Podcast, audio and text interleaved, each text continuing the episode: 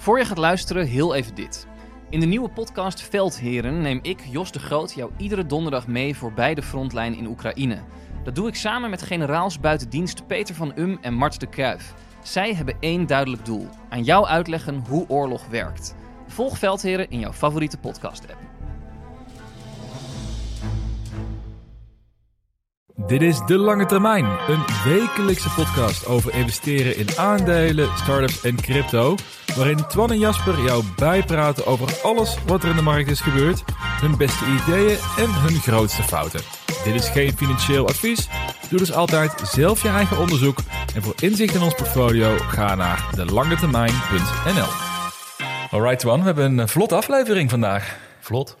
Ja, nou ja, in de zin van we gaan, het niet, we gaan het niet 25 minuten hebben over één onderwerp. We Nee. gaan eh, echt eh, racen, als ik het zo zie. Het is wel een eh, losser, ja, lossere aflevering. Ja, hè? Leuk. Whiskietje staat klaar, Ja. daar hebben we wel weer zin in. Ja.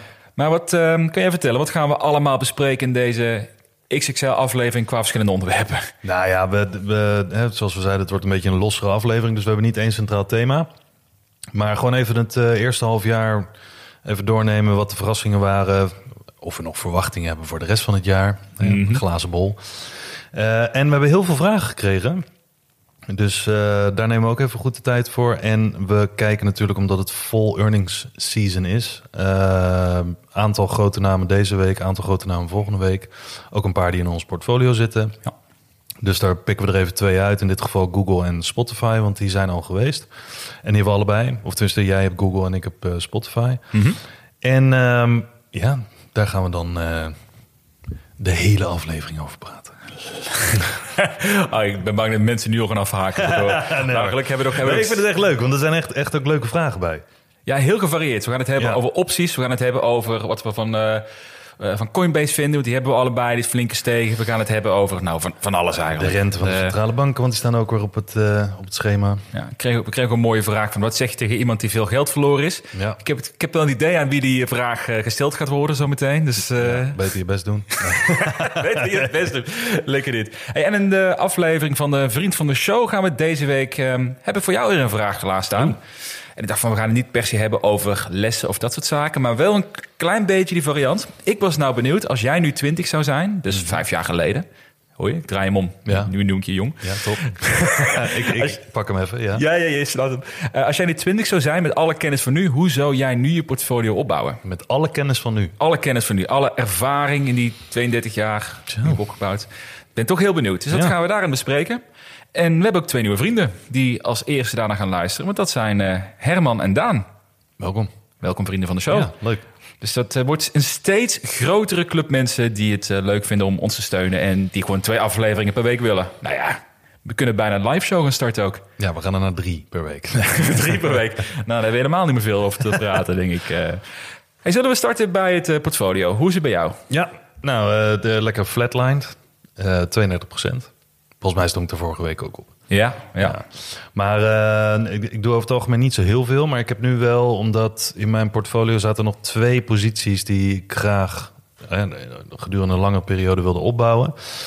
Eh, namelijk de India ETF en de iShares Semiconductor ETF. Maar ik heb van de week de beslissing genomen om de India ETF volledig qua positie in te nemen. Mhm. En voor mensen die dat niet weten, voor mij is in dit geval een volledige positie 2,5% van mijn portfolio is niet superveel, maar het was toch een redelijke bijleg. Omdat eh, ik stond op iets van 0,5 procent. Ja, was een flinke stap, ja, zag ik. Ja, dus ik heb eh, flink wat cash eh, vrijgemaakt en daarin gestopt. En ik kreeg al de vraag waarom. Mhm. Waarom überhaupt nu en dan ineens? Jij stelde hem ook volgens mij op Twitter. Ja, nou ja, dat om, om, ben nou aan het doen, man? Nou, omdat we het vaak over hebben dat jij altijd heel rustig posities opbouwt. En Ja. ineens zeg je bam, volle positie. Ja. Nou, wat, wat is er gebeurd? Wat heb je gelezen? Welke YouTube-video's heb je bekeken? wat, eh, Nou, eigenlijk geen van die dingen. Ik, was, ik ben niet beïnvloed door iets anders of zo. Maar het is meer dat ik tot de conclusie kwam dat ik best wel op veel dingen aan het focussen ben nu. En ook met dat treden en dergelijke. En ja, bij mij geldt altijd, ik kan maar mijn aandacht op zoveel dingen verdelen. En dat zijn niet al te veel dingen. Dus dan ga ik eh, kansjes missen bijvoorbeeld. En ik heb eens even zitten narekenen. Ik moest nou ja, 2% bijleggen van de totale waarde van mijn portfolio. Eh, wat, is dan mijn, wat zou dan mijn angst of mijn makken zijn? Nou, dat als ik het nu in één keer doe versus over de komende 10 maanden, dat ik Mhm. misschien als die daalt 20% goedkoper had kunnen kopen. Maar als je even 20% neemt van 2% van je totale belegde vermogen, nou, ja, dan heb je misschien een voordeeltje op je hele vermogen van 0,5% ongeveer. Ja, dus het voelt groter dan wat het is Ja, waarschijnlijk. het, de het, het is heel Ja. vaak met dat soort dingen. Is het, voelt het groter en enger dan, eh, dan dat het is. Dus ik Ja. heb nu die volledige positie ingenomen. Ik ga hem ook niet meer bijleggen. eh, tenzij, volgens mijn eigen regels, die positie onder de 2% zakt Mhm. van mijn hele portfolio. Ehm, want dan leg ik weer wat bij totdat hij weer op de 2,5 zit. Ehm, en ik heb de iShares Semiconductor ETF, daar hebben we het in een eerdere aflevering over gehad, dat ik dat een interessante markt vind. Maar die heb ik eh, volledig verkocht. Mhm. Was ook een hele kleine positie, want die was ik, nou, daar heb ik maar één keer op ingelegd of twee Oh, keer. ja, ja. Eh, maar die heb ik verkocht eh, en in de India ETF gestopt. Ook omdat veel van die semiconductor grote bedrijven, die zitten al in mijn Nasdaq ETF Hmm. en in mijn Wereld ETF. Het was meer een verschuiving dat je nu toch meer die focus wil gaan leggen op Ja. India. En daarom dat gewoon de beste Ja, optie was. Ik vind semiconductors nog Ja, steeds super interessant voor de komende 20 jaar. Maar om daar dan op dit moment een 2,5%, positie, 2,5% positie in mijn portfolio op te bouwen de gedurende 10 maanden, Mhm. de, voelde minder belangrijk dan de rest. Gewoon prioriteit ook, toch? Prioriteit, ja. ja. Ik kreeg wel nog een vraag van, van Victor daarover, over je India-ETF. We hebben Mhm. het wel een keer over gehad, maar misschien kunnen we wel nog kort toelichten van waarom dat nou voor jou zo'n interessante markt is. Ja, nou ja, goed. Ik bedoel, eh, ik ben voornamelijk gewogen naar het westen.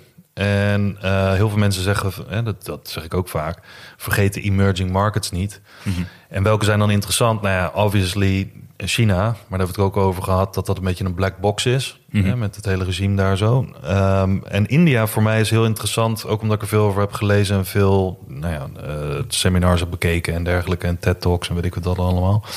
Ehm, de populatie groeit enorm. Volgens mij zitten ze nu al boven de populatie van China. Mhm. Dus ehm verreweg de meeste mensen in de wereld zijn India's. Tenminste, zo sch- schets ik het een beetje. Eh, ze zijn gemiddeld veel jonger dan in China. Eh, want in China ligt volgens mij de leeftijd op 35, de meest voorkomende leeftijd, dus de mediaan. Mhm. En in India op 26 uit mijn hoofd. Oké. Dus al die mensen beginnen nu in hun piekjaren, of richting hun piekjaren te komen van hun volle potentieel qua werken. En ze zijn ook snel in de adaptatie van technologie. Mhm. Eh, eh, een paar jaar geleden hebben ze iedereen toegang gegeven tot mobiel internet. Dus die springen heel veel drempels over, heel gemakkelijk op dit moment, of krijgen toegang tot heel veel kansen die andere landen in 20, 30 jaar hebben moeten opbouwen. Mhm. Eh, en nou, maal de populatie, maal eh, de rijkdom die daar allemaal naartoe stroomt, omdat het natuurlijk een hele grote kenniseconomie is. Mensen zijn over het algemeen, hè, jonge mensen nu hoger opgeleid. Dus ehm, ja, al die hele combinatie in eh, ook samenwerking een beetje met het rapport van het IMF wat eruit is gekomen een paar maanden geleden, dat ze verwachten dat India van plek 7 als economie naar plek 3 gaat in de Mhm. komende 25 jaar. Ehm, nou, dat is een enorme groeimarkt. En ik wil niet alle emerging markets hebben. Naast bijvoorbeeld mijn wereld-ETF, die voorna- voornamelijk op het westen en allemaal losse aandelen die op het westen gericht zijn. Maar ik wilde gewoon één of twee kiezen. En voor nu is India voor mij het meest interessant. Eh, China zou dat zijn als het wat meer transparant was. Ja, ja, is jammer, ja. Brazilië is ook interessant, maar daar moet ik nog meer onderzoek naar doen. En ik wil niet nog een positie op dit moment eh, opbouwen. Maar eh, India steekt er met kop en schouders bovenuit. Nou, helder verhaal. Ja. Ben benieuwd. Hey, en als je kijkt naar de lange termijn portfolio, die zit je nog steeds eh, Ja. op de hielen. Ja, 28 procent. Vorige week stond hij dus boven mij. Ja. Ehm, Heb je iedere, week in de ga of iedere dag in de gaten gehouden, zeker? Ja, Of joh, je- we, bellen ook. Tenminste, de, fonds, de fondsmanager van het lange termijn portfolio belt elke dag. Ja. Nee, die staat op eh 28% in de plus dit jaar. En ehm, ja, nog steeds de, de usual suspects in de top 3. Nvidia, Coinbase en Tesla. Ja. En de bodem 4, daar zit een eentje nieuw bij. eh, Roblox. Ik moest Ja. even kijken, want ik dacht, huh, zit Roblox er nog in? Maar ja, inderdaad, Roblox. En eh, Mercado Libre nog steeds, eh, MP Materials en Fiverr. Die bungelen al weken onderaan. Ik ga wel kijken naar Roblox. Ik wist niet dat die... zijn- Of zijn die dan fors gedaald de afgelopen periode? Of hingen dan een beetje aan de onderkant? Want Nou, ze zat een beetje in het midden. Hmm. Eh, Een beetje gemiddeld rendement eh, vergeleken met de rest. Maar ja, die zijn wat gedaald. En eh, sommige die omhoog zijn geklommen, die zijn echt exponentieel gegroeid. ja, op die manier. Dus eh, het is natuurlijk ook een klein portfolio in die zin. Hoewel, dat maakt niet zoveel uit qua inleg natuurlijk. Maar ja, het is een beetje stuivertje wisselen. Alleen de echte bodem drie, die andere drie namen afgezien van Roblox... Ja, die staan al zo diep in de min. Die moeten echt een hele hoop goed maken. Dus ik verwacht ook wel dat die redelijk onderaan blijven bungelen... tenzij er iets gigantisch misgaat bij nou ja, het, eh, het rijtje erboven. Ja, ja ik vind Roblox knijter interessant. Ik hoorde deze week ook weer van een uh, maatje van mij.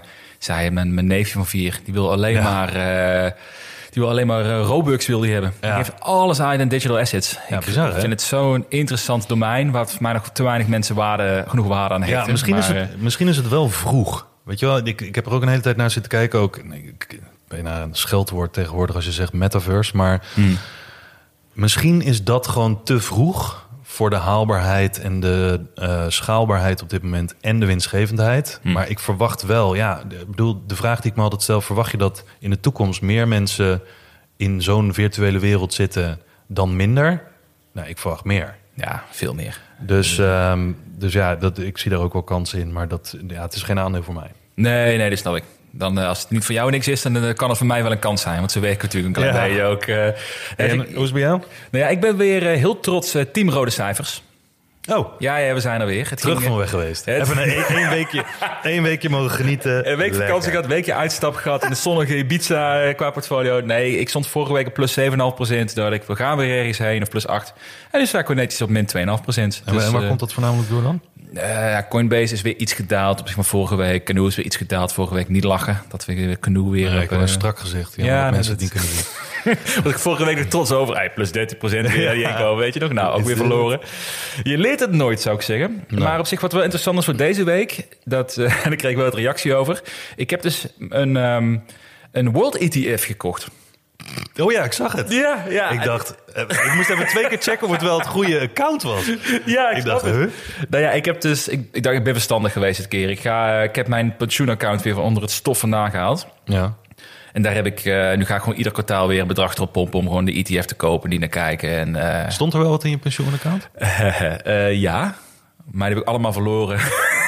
Met inzetten op eh Canoe voor 20 euro. Canoe in je pensioensaccount? Ja, man. Ja, maar dat zijn van die typische domme dingen als je achteraf terugkijkt. Ik heb ooit dat pensioenaccount gekocht om te zeggen... iedere maand vast bedrag ETF kopen, niet naar kijken, klaar. Ja. Toen stond Canoe naar mijn gevoel heel laag. Toen dacht ik, oké, maar nu kan ik wel echt een enorme stap maken met mijn pensioenaccount. Vanaf dat moment alleen maar gedaald. En uiteindelijk, dat is het allermooiste, dacht ik, oké, die had nog maar eh 1 tien of zo over van het bedrag. Dus ik, ik moet het even terug gaan pakken. Ik ga nu al het geld inzetten op First Republic Bank. Huh? Ja, ook lekker. In je pensioenaccount? Bent een pensioenaccount, ja, ja. En nu is het echt... een casino-account of wat? Ja, jong, ik weet het, ik weet het. Dat, eh, noem, noem dat de, de, de nukken van een jonge belegger. Oh. Zo praat ik van mezelf goed ook. Maar ik heb nu dus aandelen van First Republic Bank in mijn pensioenaccount. Maar die kan ik niet meer verkopen. Dus, dus de Giro zegt gewoon, ja, die, nee, laat maar staan. Die kan niks mee. Ah. Dus ook 7 euro of zo is het nog waard. Je? ja. Holy crap. Ja, nou, Ik denk dat wel dat, dat dat zijn wel de twee mooiste combinaties. Het woord pensioen, waar iedereen bij denkt van ja, ver van mijn bed en super saai. En dat jij er dan echt mega risky dingen in hebt. Ja, ja, soms kom je wel eens in een opwelling en dan maak je domme fouten, denk ik. Dus dat, ja, ja, ja, als je er maar van leert toch? ja nou, Oh ja, nu- nu- en dus heb je dus nu, want je hebt nu natuurlijk echt licht gezien. ja, Je hebt nu een wereld-ETF gekocht. een wereld Maar welke? Ik heb die van jou. Die, eh, Die van mij. Ja, nee, die, eh, die, eh, Ik eh, ga je straks een factuurtje sturen. IWDA, toch? Heb jij toch? Ja. Die, ja, die heb ik ook uiteindelijk ook gekocht. Ja. Ik dacht van, nou, dat, ik zag hem bij jou staan. Ja. nee, je had, je had een heel, hele tweetpost geschreven over de verschillen tussen welke ETF voor jou het best geschikt is. Klonk logisch. En ik vind het ook niet zo'n groot verschil allemaal. Dus Nou ja, dat is allemaal één pot nat. Het is allemaal de westerse wereld plus wat, eh, wat extra. En eh, het, het is accumulerend, dus eh, je, je krijgt ook geen dividend uitbetaald. Ja. Wat je dan weer zelf moet investeren. Dus ik vind het wel lekker. Dat is gewoon echt voor de opbouw. Ja, zo is het ook. Dus ik ga ieder kwartaal inleggen. Maar ik kreeg daar dus wel veel reactie op van... wat is met jou aan de hand? Ja. Van, dat, is een, dat is een switch. Wat ik ook nog gedaan heb trouwens afsluitend... is ik heb mijn posities gevuld voor Planet Labs en Origin. Dus ik heb Hm. nu alle posities die ik wilde hebben... heb ik nu staan. Allemaal. Ja, want ja, liefst zou Google nog willen uitbreiden... maar dat, dat gaat meer gestaag. Ja. Maar ik hoef niet meer geen enkele positie meer uit te bouwen. Dus het is nu echt kijken naar nieuwe dingetjes. Oké. Ehm, en eh, Bitcoin ik gekocht. Ja. Oh. Ja, ik denk, ik heb toch, ik ging nu mijn crypto weer uitbouwen. Dus ik heb een Polygon positie uitgebreid en eh, Bitcoin gekocht. En ik Ja. denk van, nou, misschien ook weer een stukje, eh, nou, zekerheid is denk ik een fout woord in crypto. Maar het is, ik ben overtuigd geraakt weer van jouw verhaal vorige week. Hoeveel, hoeveel procent wil je uiteindelijk in bitcoin hebben van je portfolio? Ja, ik wil totaal, volgens mij heb ik nu zo'n 15% van mijn netto waarde. Max wil ik in crypto. 15? 15. 15 procent. Wel van netto waardes, ook van mijn start-up portfolio een beetje rekend. Ah. Dus in mijn aandelenportfolio zal dat max 30% kunnen worden. Ja. Maar wel Matic en Bitcoin samen. Oké. En je wilt het alleen maar bij die twee houden? Voorlopig wel. Ja, ik zie, ja, ik wil het in ieder geval een beetje kunnen begrijpen. Ja. Bitcoin kan ik een beetje begrijpen. Polygon kan ik een beetje begrijpen. En de rest wordt heel erg speculeren. Daar, eh, dat doe ik al genoeg, denk ik. Maar ga je dan maandelijks inleggen? Of, of er gewoon eh, puur wanneer er iets gebeurt? Of... Ik denk, ik denk maandelijks, maar ik, ik heb nu dus geen andere posities meer om te vullen. Dus Nee. als, tenzij er daar, dat ik daar denk, nou, Roblox is fantastisch, ik ga die positie vullen, dat dan misschien eerst. Mhm. Maar zolang ik het, het vrije geld heb de zaken, ga ik het gewoon opbouwen in Bitcoin. Matic. Dat, dit, dit zijn twee kleine posities. Dus eh, Welkom, welkom. genoeg te doen. En eh nou, team rode cijfers, represent. Lekker Mooi. dit. En laten we doorgaan naar het, eh, het feitje en het nieuwtje. Want je had een tweet geplaatst over hoeveel procent van je maandelijkse salaris beleg je? Ja, welk percentage van je maandelijks inkomen, Inkomen, ja. ja, beleg je? En dat was meer gericht op, eh, of meer naar aanleiding van dat ik... Ik heb heel veel artikelen gelezen en ook een interview met, hoe heet die, Ramit Sethi. Die heeft dat boek geschreven van I Will Teach You How to Be Rich. Mhm. Echt heel cringe die titel, maar wat hij zegt... En mijn vriendin die zat er ook naar te kijken en die zei ook van... Oh, hij legt het echt goed uit. Maar hij had het erover, en dat zie ik vaak voorbij komen... dat er het advies is, ook vanuit persoonlijke eh, finance adviseurs... 5 tot 10 procent van je inkomen maandelijks... gewoon op de automatische piloot, of nou, dat laat het automatische piloot weg... eh, beleggen. Dus 5 tot 10 procent van je maandelijks inkomen. Dan bouw je een goed vermogen op voor later. Dus ik was dus benieuwd, want ik dacht, ja, weet je, toen ik nog een baan had, het klinkt heel sneu, maar toen ik nog een baan had en gewoon een vast salaris had, ik weet dat ik, en dat was ook nog voordat ik mijn vriendin leerde kennen, en geen kind had. Zo. Dus redelijk, eh, ja, redelijk zelfcontrole had over wat ik allemaal eh, aan het uitgeven was. Kan ik me herinneren dat ik nou, tussen de, ik denk tussen de 20 en 50 procent per maand ehm, van mijn inkomen ging naar beleggingen. Echt fors zo trouwens. Ja, 20 tot 50 procent. Nou, dat heb ik heel wat jaren gedaan. Dus zodoende heb ik het ook snel kunnen opbouwen. Was ook nog in een hele goede jaren. Dus dat is puur geluk, denk ik. Eh, maar ik was benieuwd hoe dat bij de rest van de mensen zat. Dus ik had een poll erop eh, losgelaten. En die is echt goed opgepikt van eh, honderden stemmen. Ehm, eh, de optie was, nou, ik doe niks. Of 1 tot 10 procent. 10 tot 20 procent of 20 procent plus. En ik had heel eerlijk verwacht dat over het algemeen de algemene wijsheid ehm, hier zou gelden. Namelijk 1 tot 10 procent. Omdat de algemene wijsheid is 5 tot 10 procent. Ik denk, nou ja, max, weet ik veel, een paar mensen tussen de 10 en de 20. Maar verreweg de meeste mensen hebben aangegeven dat ze meer dan 20 procent van hun maandelijkse salaris beleggen. Echt veel. Dan vind ik, ja, dat is natuurlijk ook wel een Twitter-bubbel in die Ja, zin, omdat ja. het Fintwit is. Maar ik vind dat echt veel. Ja, nee, absoluut. Ja. Had ik ook niet verwacht. Had ik echt niet maar ik had ook niet verwacht dat er maar 11% zijn die niks belegt. Ja. Wie zijn die mensen die jou volgen op Twitter? Die jou Ja. gelul elke dag lezen? Ja, wat doe je hier dan? Luisteren over wat jij vindt van Spotify en dat toch steeds geen euro erin gooien. Nee. nee, maar dat vond ik opvallend. Dus ik vind dat echt, ja, als je dat bekijkt, eh, eh, dan zal er ook een heel gedeelte van de populatie natuurlijk zijn die ofwel belegt en dat heel mondjesmaat doet, ofwel niet belegt. Eh, en die hoor je hier niet over. Maar ja, ik vind, eh, wat is het, meer dan 36% van de mensen die meer dan een vijfde van zijn maandelijks inkomen eh, belegt. Ik, Ja. vind, het, ik vind het fors. Ja, Dus, vind ook. Ja, top. Ja, en natuurlijk ook ingewikkeld als je natuurlijk zo afhankelijk van je situatie, of je wel of geen kinderen hebt, of je, dat is natuurlijk met name een ding hoe oud je bent, hoe je Dat wel, maar er waren ook een paar mensen die hadden gereageerd. Gewoon echt met tekst en uitleg. Die hadden, of die hebben, die hadden kinderen. Die hebben ze allemaal de deur uitgegaan. om te te duur. Ja, ze willen beleggen. Liever alfabet aandelen. Ja, hier. Dus, maar ehm, eh, nee, die hebben, die hebben kinderen. En die noemden ook echt bedragen en, en ook percentages. En dat ik dacht, zo, ik, ik red dat echt niet. En dan denk ik, ja, ik weet veel van beleggen. En ik beleg al een hele tijd. En ik sta toch best wel op de voorgrond met beleggen. Maar ik, ja, ik ben er ook trots op. Wat ik ook doe voor mijn dochter en dergelijke. Maar die kwamen met bedragen en percentages. Als het echt waar is, en daar ga ik vanuit. ehm, de, de, ik dacht echt, holy mac. Ja. Hoe doen mensen dit? Maar dan krijg je natuurlijk het probleem dat je altijd jezelf gaat vergelijken met die mensen en jezelf altijd weer minder voelt dan diegene. Nou, ik vind je wel grote bedragen Ik vind het wel en, eh, inspiratie. Dus het is niet dat ik, het, dat ik denk van, oh, dat moet ik ook. Maar Ja. ik vind het wel inspiratie, want het geeft een beetje een beeld buiten mijn bubbel. Mhm. Dat ik denk, oh, er zijn ook echt mensen die, dit kan gewoon. Je hoort vaak, oh, dat is echt niet mogelijk. Zelfs 50 euro per maand kan ik niet missen.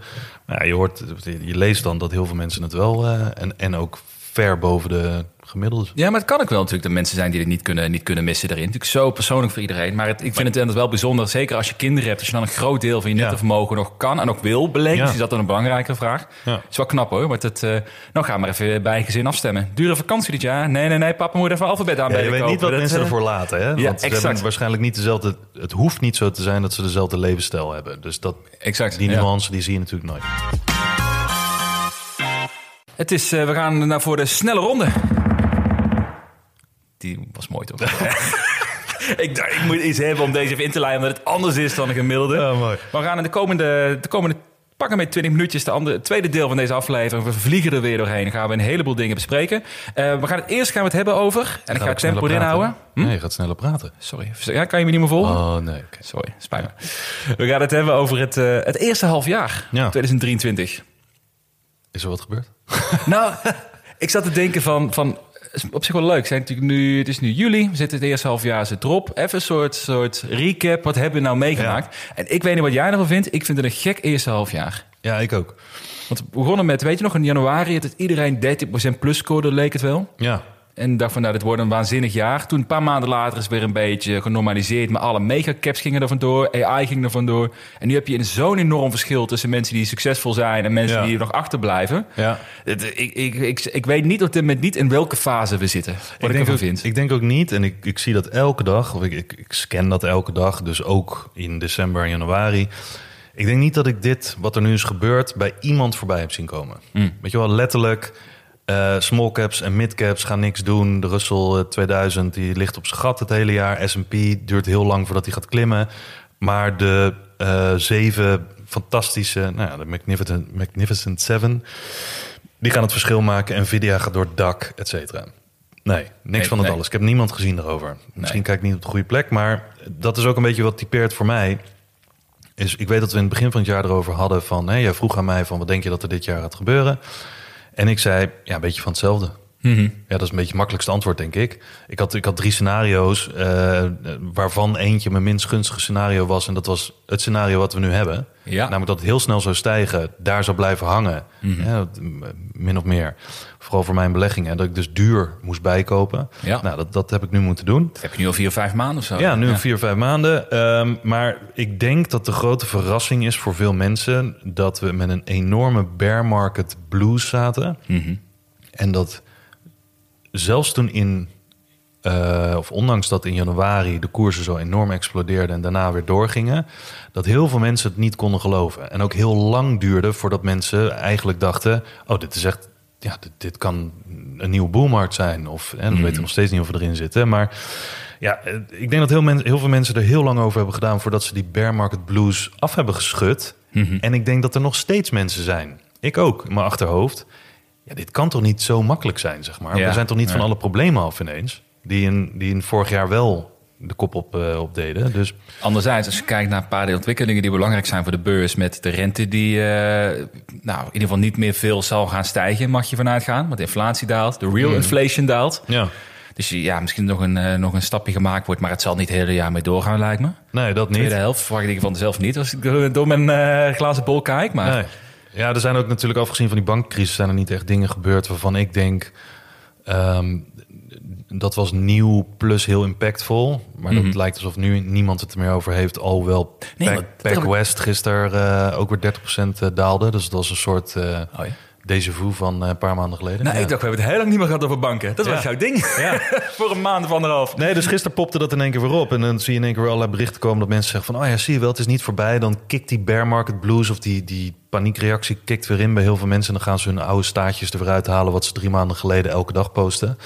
Ehm, maar ik denk over het algemeen dat, dat je kan zeggen... over de eerste helft van het, van, van het jaar... niet verwacht, welkom, dat wel. Maar nog steeds een beetje onwennig. Ja. Het voelt voor mij ook onwennig. Dus ehm, als het heel langzaam was gegaan, dan had ik gedacht van oké, dan heb je een lange tijd om, aan, om eraan te wennen. En dat is nu niet het geval geweest. Dus maar banken, dat was een grote verrassing. eh, dat er maar zeven aandelen eh, de hele toko eh, omhoog stuwden. Was ook een verrassing. Ehm, is er een teleurstelling geweest? Ja, dat ik niet op 1 januari al mijn cash erin heb geduwd. ja, ja. De, de, Ja, dat is de teleurstelling. die iedereen kent. Ja, Nou, bij mij meest opgevallen daarin is, is dat had ik niet verwacht. Maar bij de, een van de eerste afleveringen hebben wij het gehad over de AI-bubbel. Ja. Volgens mij een van de, ja, ik weet niet meer, een van, in ieder geval een van de eerste. En toen was de waarderingen van een aantal van die bedrijven al aardig opgelopen. Die zeiden, dit kan niet blijven doorgaan. En dit is maar blijven doorzetten dit jaar. Ja. Tot, tot, tot, maakt niet uit of je small cap, mid cap, large cap bent. Maakt niet uit. Het is allemaal 200% plus gestegen. Ja. Dat, dat vind ik het meest verbazende, verbazingwekkende. Ehm, nou, ik denk dat voor mij als je afsluit, als je kijkt naar het restant van 2023, ik ben dus heel benieuwd. Dat is wel waarschijnlijk ook wel een beetje wishful thinking, besef ik me wel. Maar ik heb het idee dat als de inflatie, die is een dalen, en het wordt steeds meer gereflecteerd in het beleid wat gevoerd gaat worden in Europa en Amerika. Eh, de rentes zullen niet meer veel omhoog gaan, slash misschien een beetje gaan afnemen daarin. Dan is natuurlijk de kans ook groter dat het geld weer wat meer gaat naar de, de groeiaandelen. Dat geld goedkoper wordt, dat daar iets meer in gespeculeerd kan gaan worden. Ja. En dat dan misschien wel weer komt een soort eh, de rise van de small caps. Waarbij het nu wel dat je merkt is dat het eh, kaf van het koren is natuurlijk is gescheiden de laatste half jaar. Ja. Want er zijn echt een aantal, serieus aantal voormalig specs zijn gewoon failliet. Ja. Deze week waren er weer twee die failliet zijn gegaan, ook hebben aangegeven. En ik denk degenen die overblijven, die echt gewoon een stabiel businessmodel hebben, gehouden. En het geld nu nodig hebben om die volgende stap te maken. Dat die wel eens zouden kunnen gaan profiteren in het tweede half Ja. jaar. Ja. Ja, die rotatie die, eh, die zie je nu een beetje gebeuren natuurlijk. Ja. Ehm, ik denk alleen wel, er, is- er is natuurlijk nog één maar. Achter de schermen of onderhuids, hoe zeg je dat, bouwen nog steeds dezelfde problemen zich op. Namelijk eh, kredietverlening eh, is nog steeds aan het krimpen. Steeds minder leningen worden er uitgeschreven omdat er steeds hogere rente is.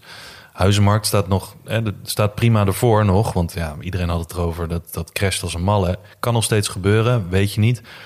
Ehm, werkloosheid is steeds laag.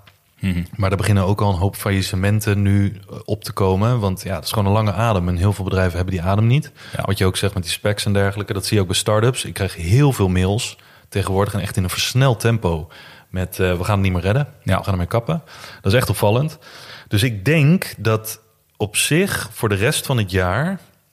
als er geen schok komt... Ehm, dat, nou ja, en ik bedoel, ik doe geen voorspellingen in die zin, want ik heb geen glazen bol, maar dan kan het hetzelfde blijven gaan als nu. Dan gaan we hoger eindigen in de, op de beurzen en ook eh, crypto en dergelijke gaat hoger eindigen dit jaar dan dat waar we nu op staan. Maar ja, er zijn wel heel veel dingen die kunnen nog zorgen voor een schok. Want Ja. die bouwen, die zijn niet de wereld uit. Nee, maar dat kan je inderdaad niet voorspellen. Wat Kan er niet voorspellen. gebeuren. Klopt, klopt. Hey, zullen we door naar het volgende? Ja. Want we hebben nog heel veel punten te bespreken in deze. Ehm, jij hebt als het goed is gekeken naar Spotify. Die hadden hun earnings afgelopen dinsdag. Ja. Natuurlijk best een grote positie voor jou. Misschien even de best presterende. Ja, ja niet een grote positie, maar wel eh, eh, een van de vier losse aandelen die ik heb. Ja, ja, ja. En ook eh, blijft voor mij interessant. Eh, ik blijf er ook kritiek op krijgen. Ja, kritiek? ja, kritiek, ja. Waarom? Nou ja, omdat heel veel mensen zeggen, eh, dat is heel terecht ook, eh, ze maken geen winst. Of tenminste, onderaan de streep natuurlijk geen winst. De free cashflow is echt dramatisch. Ja. Eh, volgens mij 9 miljoen op, eh, wat is het, een market cap van 32 miljard. Ja, dat is niet best. Ehm, ze hebben nu met de earnings zijn ze naar buiten gekomen. En dat is eigenlijk een beetje in hetzelfde straatje, zonder dat ik alle cijfers noem. Want dat is echt, daar val je van in slaap. Maar het is een beetje hetzelfde verhaal als de afgelopen drie kwartalen. Onderaan de streep financieel best wel ruk. Alleen betalende gebruikers stijgen als mallen. Harder dan Netflix bijvoorbeeld. Als je het een beetje in, dat, eh, in die bucket eh, gooit. Ehm, ze zijn flink aan het uitbreiden. Ehm, dus alle metrics, als, je, als het gaat om ja, eh, noem je dat? netwerkgroei bijvoorbeeld, die nemen allemaal best wel bizar toe. Alleen, ze hebben gewoon heel veel kosten. En eh, afgelopen kwartaal hebben ze ook heel veel verlies moeten nemen of kosten moeten maken in die zin. Eh, op vastgoed bijvoorbeeld, kantoren en dergelijke waar ze, waar ze vanaf eh, wilden.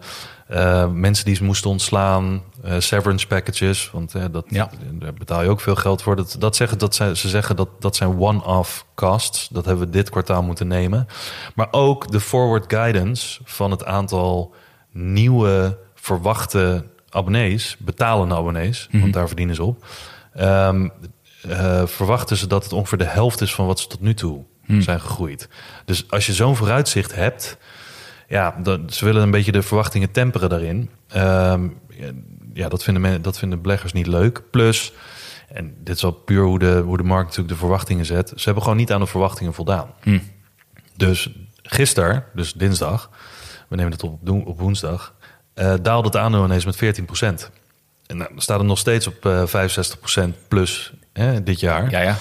Maar ja, zo'n klap, dat, dat, dat, dat geeft wel wat weer. En ehm, ja, voor mij blijft het nog steeds, en dat zegt, eh hoe heet die, die Eck? Daniel Eck. Daniel Eck, ja. Die zegt dat ook. Onze strategie is om zo snel mogelijk dit netwerk zo groot mogelijk te laten groeien. Ze hebben al meer dan een half miljard gebruikers. Eh, ehm, hun betalen abonnees groeien, hun ad-inkomsten groeien, alles groeit. Maar het groeit nog niet hard genoeg om kostendekkend te zijn. Dus ehm, ja, dat kan, ineens kan dat gebeuren. Maar de afgelopen drie kwartalen was het precies hetzelfde verhaal. Voor jou nog impact op je beleggingsreden? Nee, Gewoon niks, gewoon smile Nee. wave. niet bijgekocht. eh, want ja, nog steeds staat het ver boven mijn gak. En ehm, eh, ik, heb, ik heb een positie, dus ik laat het gewoon lekker staan. En we gaan allemaal 2 of 3 euro meer per maand betalen. hè? Ja, dat is ook zo. Want eh, dat was een goeie. Dat zei hij zelf ook. Van, eh, door al die abonnementen te verhogen... met een paar euro of een paar dollars in dit geval ook... ehm, ja, dat voegde natuurlijk wel toe aan een winstgevendheid. En dat was ook een klein beetje de tempering naar de verwachting voor de komende maanden. Wat voor invloed gaat dat hebben op mensen die hun abonnement cancelen? Omdat Nou ja, het ja. duurder gaat worden. Mhm. Dus nou ja, dat, eh, dat moeten we allemaal Ik ben zien. heel benieuwd. Zo'n sticky software, zo'n sticky Ja, Ja. abonnement. Ik zou er zelf, nou, ik zal me niet zeggen 10 euro meer voor betalen, want dan gaat hij het ook doen ook nog. Maar eh, Ja. nou, interessant. Ja, ik vind het leuk dat earnings toen begonnen is. Ik heb zelf gekeken natuurlijk naar Google, eentje.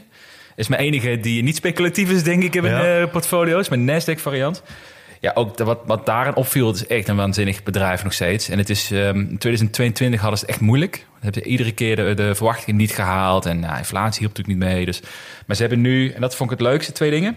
Is, eh, ze hebben en de omzet en de earnings hebben ze eh, overtroffen. Flinke groei gemaakt. Maar wat mij het meeste opviel, is dat als je kijkt naar de free cash flows, iets waar ik zelf veel naar kijk. Nou, je hebt het net al over met Ja. Spotify.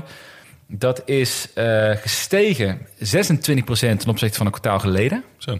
Dus iets, was iets van 17 miljard. 17 miljard ja. in het kwartaal. Free cashflow, wat ze kunnen uitgeven wat ze willen. 17 Ja. miljard. Het is nu 21, het, bijna 22 miljard in het afgelopen kwartaal. En het is 73% gestegen op zich van een jaar geleden. Echt? Echt, dat- is een machine, dat, dat Google. Dus dat is echt eh, bijzonder. En wat ik eh, interessant vond ook van...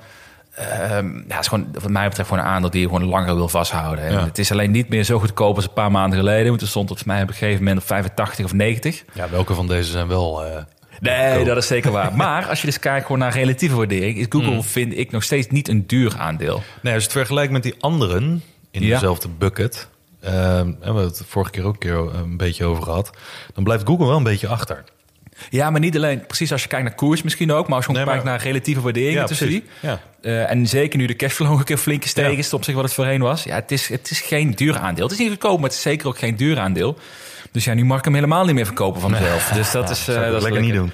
Maar, maar ik, samenvattend denk ik wat mij ten nu toe opvalt, de earnings tot nu toe, is eigenlijk valt het mij enorm mee. Ja. De resultaten zijn beter tot nu toe wat ik had verwacht Ja. als een soort indicatie van de economie. Ja, en dit is ook goed wat, dat je dat zegt. Want ik had het gisteren met iemand over en die zei ook van... ja, wat heb ik aan al die earnings? Want ik zie heel mijn Twitter vol staan met earningsseizoen. We hadden het er net ook over voor de show.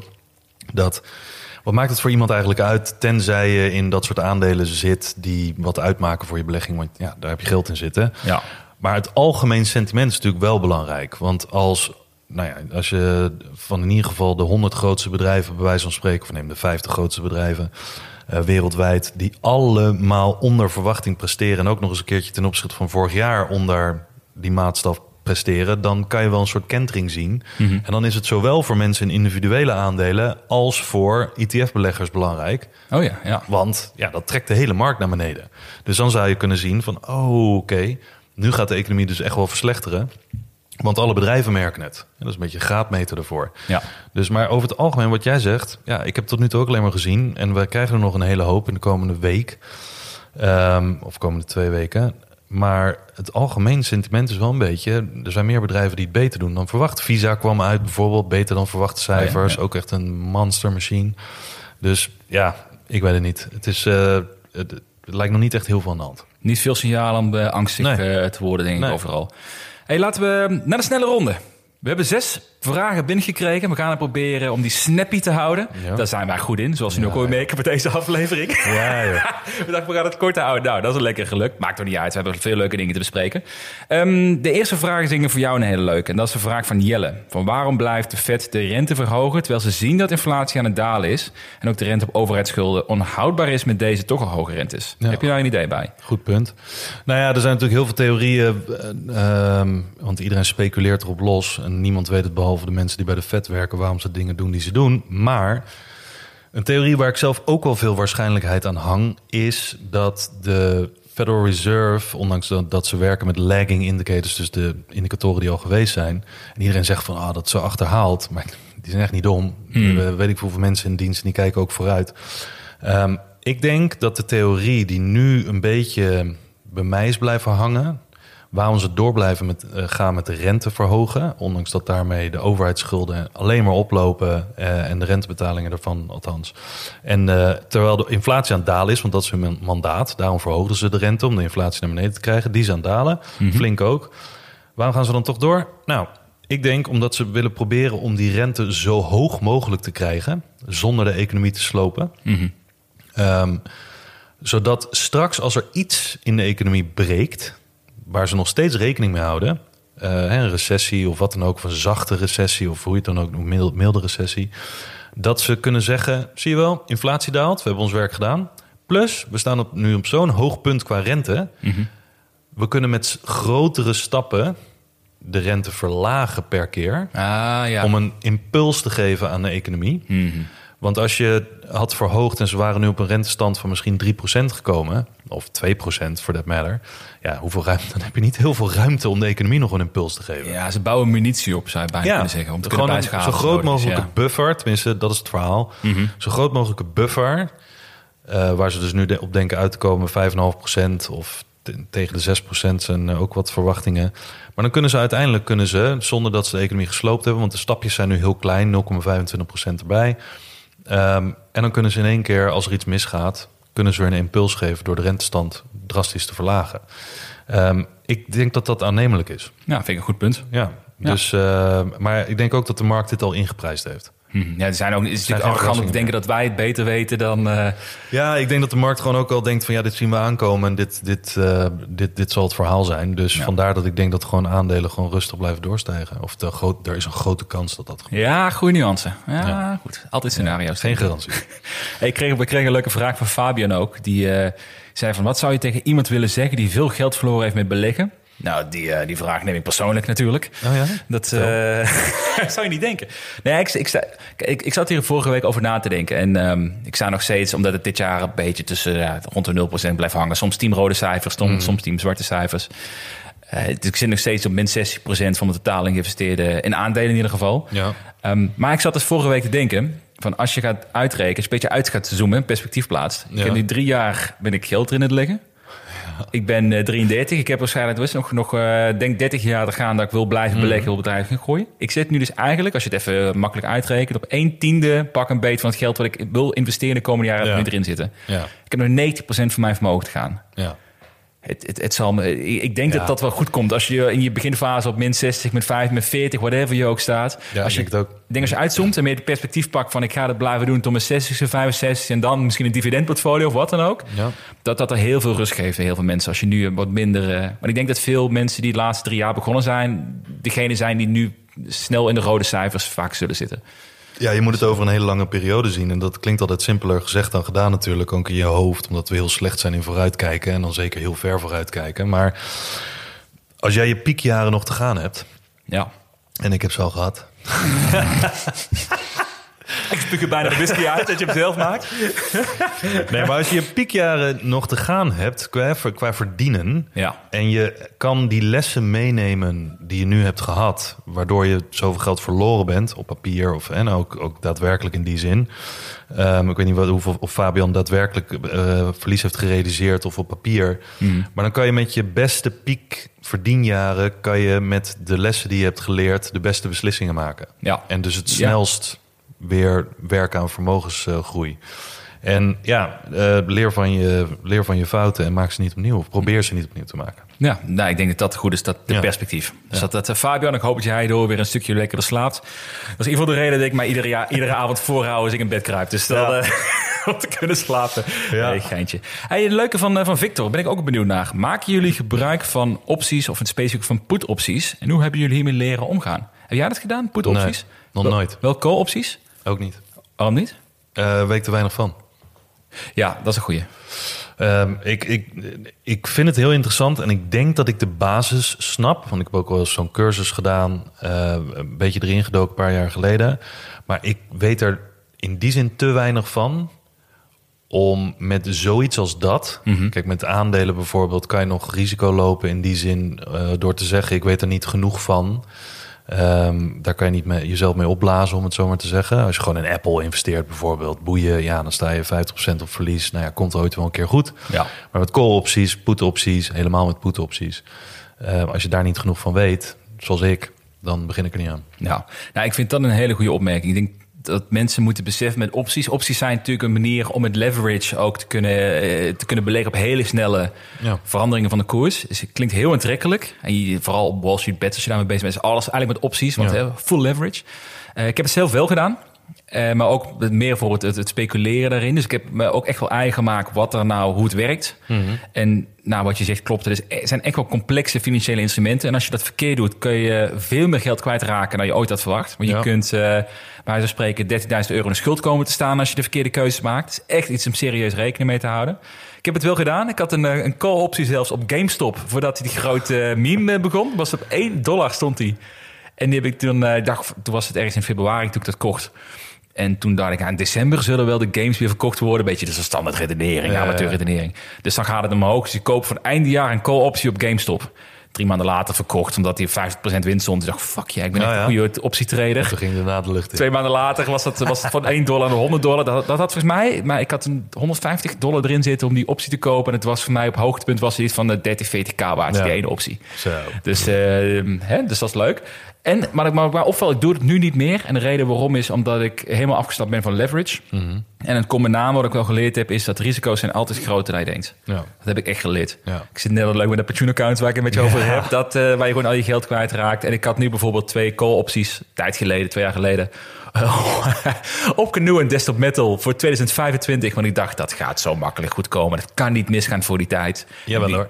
Ja, die zijn ook met 99% of zo. Dus ja, nee, dit, ik, denk dat het aantrekkelijk is. Maar besef hoe ontzettend ingewikkeld dit kan zijn. Ja, Dus, het eh, enige wat, wat wel mijn interesse heeft, of het is één van de dingen met opties, niet zozeer om call-opties te hebben om ve- veel sneller winst mee te hebben. Want ik, ik, ik ben tevreden met de dingen die, waar ik nu, of de instrumenten waar ik nu mee werk, om, om winst te, te genereren, maar een, een soort verzekering aanleggen. Ja, Want als ik 80% van mijn overtuiging stop in dat het hoger gaat vanaf nu, en flink ook, ehm, dan wil ik toch eigenlijk een soort verzekering inbouwen. Ja, dat kan je doen door short te gaan op een bepaald aandeel of een ETF of weet ik veel wat.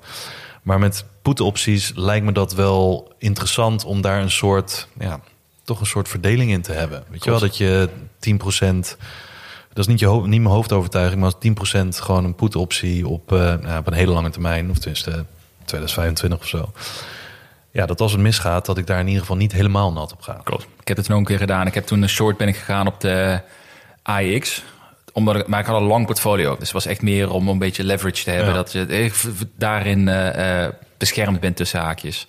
Eh, wat, wat ik een goede vind daarover, dat is het enige wat ik interessant zou vinden, is je kunt eh, opties verkopen op bijvoorbeeld, eh stel dat Coinbase, dat je zegt ik wil op 50 dollar wil ik Coinbase weer kopen. Dat je put optie verkoopt op Coinbase voor 50, dan krijg je hem toegewezen.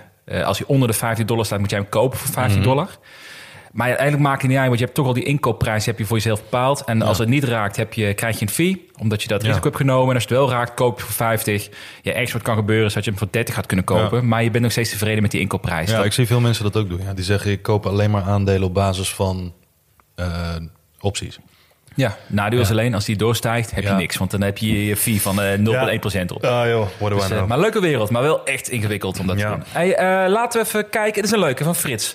Eh, hebben jullie plannen om van social media platform te wisselen... na de recente naamsverandering van Twitter? Echt. X. Ja. Weet je dat trouwens X, eh, dat de merknaam X... dat die ownership ervan ligt bij Meta? Echt? Ja. Nee joh. X als social kanaal, de ownership van het, dat copyright ligt bij Meta. Lekker. Maar hoe kan dit dan? Ja, die hebben ze al jaren geleden. Nee, maar hoe, kan, hoe kan Musk dat zomaar eh, rebranden dan? Ja, het- ja, maar denk je dat eh, Musk dat heel serieus allemaal neemt, al die dingen? Nee, oké. maar Hij betaalt zijn wel- rekening niet eens van het serverpark, joh. Dus laat staan... eh, Nee, maar goed. hebben jullie plannen om van platform te wisselen? Nee, man. Echt niet. Ik bedoel, nee. Ik bedoel, ik ben, ik ben sowieso niet zo bezig met al die platformen en alle politiek erachter. En ik vind ook echt heel... Ik heb van de week denk ik wel tien negeerwoorden toegevoegd... op basis van al die keyboard-ridders die... Niks te nadelen van mensen, maar gewoon... Ik word er helemaal moe van dat mensen dan daar wat over te zeggen hebben. En oh, hij helpt het merk om zeep. Who cares? Oh, ja, ja, ja. Weet je, ik bedoel, net is who cares? I don't care. Zolang degene erop zitten waar ik veel van leer... Ja. en zolang ik mijn zegje kan doen en daarmee mensen kan helpen... en daar een goede userbase voor heb... en het niet helemaal vol zwemt met bots... Mhm. Blijf ik gewoon zitten waar ik zit. Ja, er is geen kanaal met zoveel engagement en waar je ook echt van kan leren dan Twitter. Er, er is geen alternatief. Zowel Twitter als... eh, nou, ik ga het gewoon ook Twitter blijven noemen... Eh, gewoon Twitter en YouTube, dat zijn de twee dingen waar ik echt meer van heb geleerd dan van wat dan ook. Ja, eens. En Ik zie ook geen derde kanaal. Ja, Freds ga ik wel proberen, maar eh, dat, dat heeft gewoon een tijdje nodig, denk ik. Dus, Ja. een leuke vraag van de Patrick. Die heeft namelijk een vraag over een aandeel die wij allebei hebben. We gaan hier wel snel doorheen nu, dat is goed. Hoe kijken jullie naar Coinbase? En wat is jullie plan van aanpak? Want die is natuurlijk fors gestegen weer afgelopen Ja. periode. Die gaat ook alle kanten op. Wat doe jij? Jij blijft natuurlijk gewoon netjes zitten. Jouw voor, mij, voor mij niks, eh, er verandert niks, want ik, eh, ik had mijn positie al. Dus en die blijf ik gewoon lekker volhouden. Ik ben zelfs meer bullish geworden op Coinbase. Niet, het- niet, niet door de prijs aan zich, maar door de alle ontwikkelingen met een Bitcoin-ETF. En dat je langzaam weer het gevoel krijgt van... Ja, Omdat, ze, omdat al die ETF-providers eh, Coinbase willen gebruiken als custodian. Nou ja, dat, maar ook voor dat, dat BlackRock opeens eh, Bitcoin het pushen als een legitieme asset. Ja. En die, inderdaad, die ETF's die komen. Ik heb nu het gevoel dat de financiële wereld eh, klaar is om naar buiten toe te omarmen.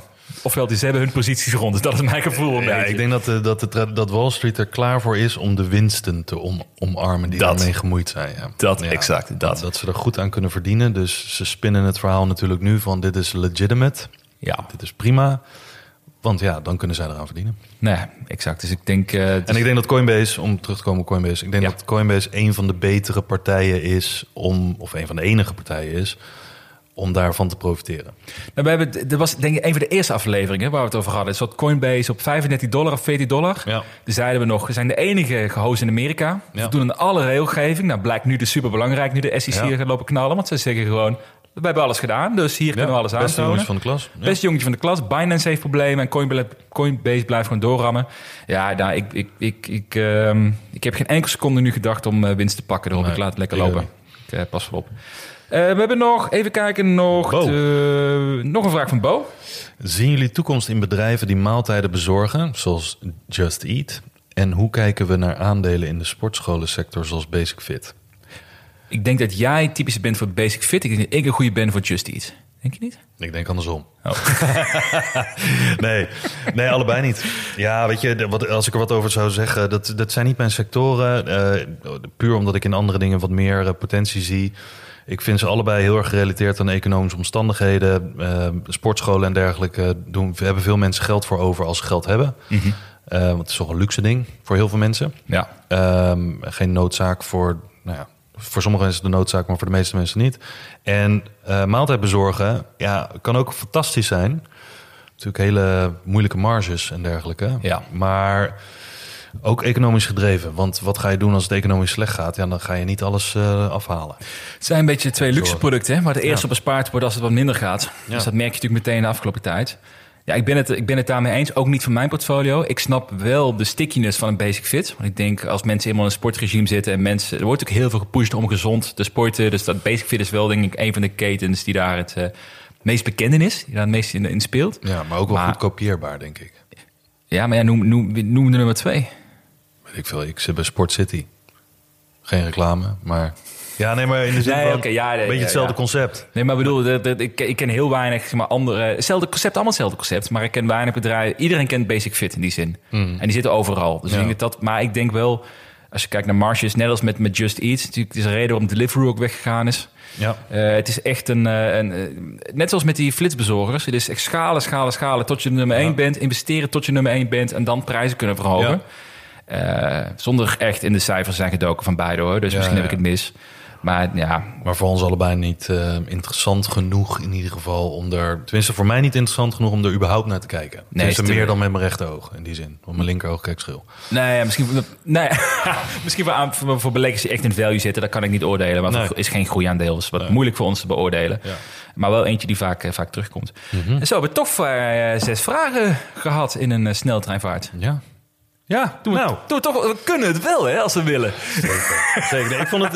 Ik bedoel, we hebben natuurlijk heel veel af- afleveringen gehad... waar we dit soort onderwerpen de hele tijd be- besproken. Maar ik vind het ook wel weer een keer lekker om wat, eh, wat updates te geven over de huidige stand. En heel veel vragen te beantwoorden. Soms krijg je er nul en nu ineens krijg je er, wat is het, zeven? Ja, ja. Ja. leuk.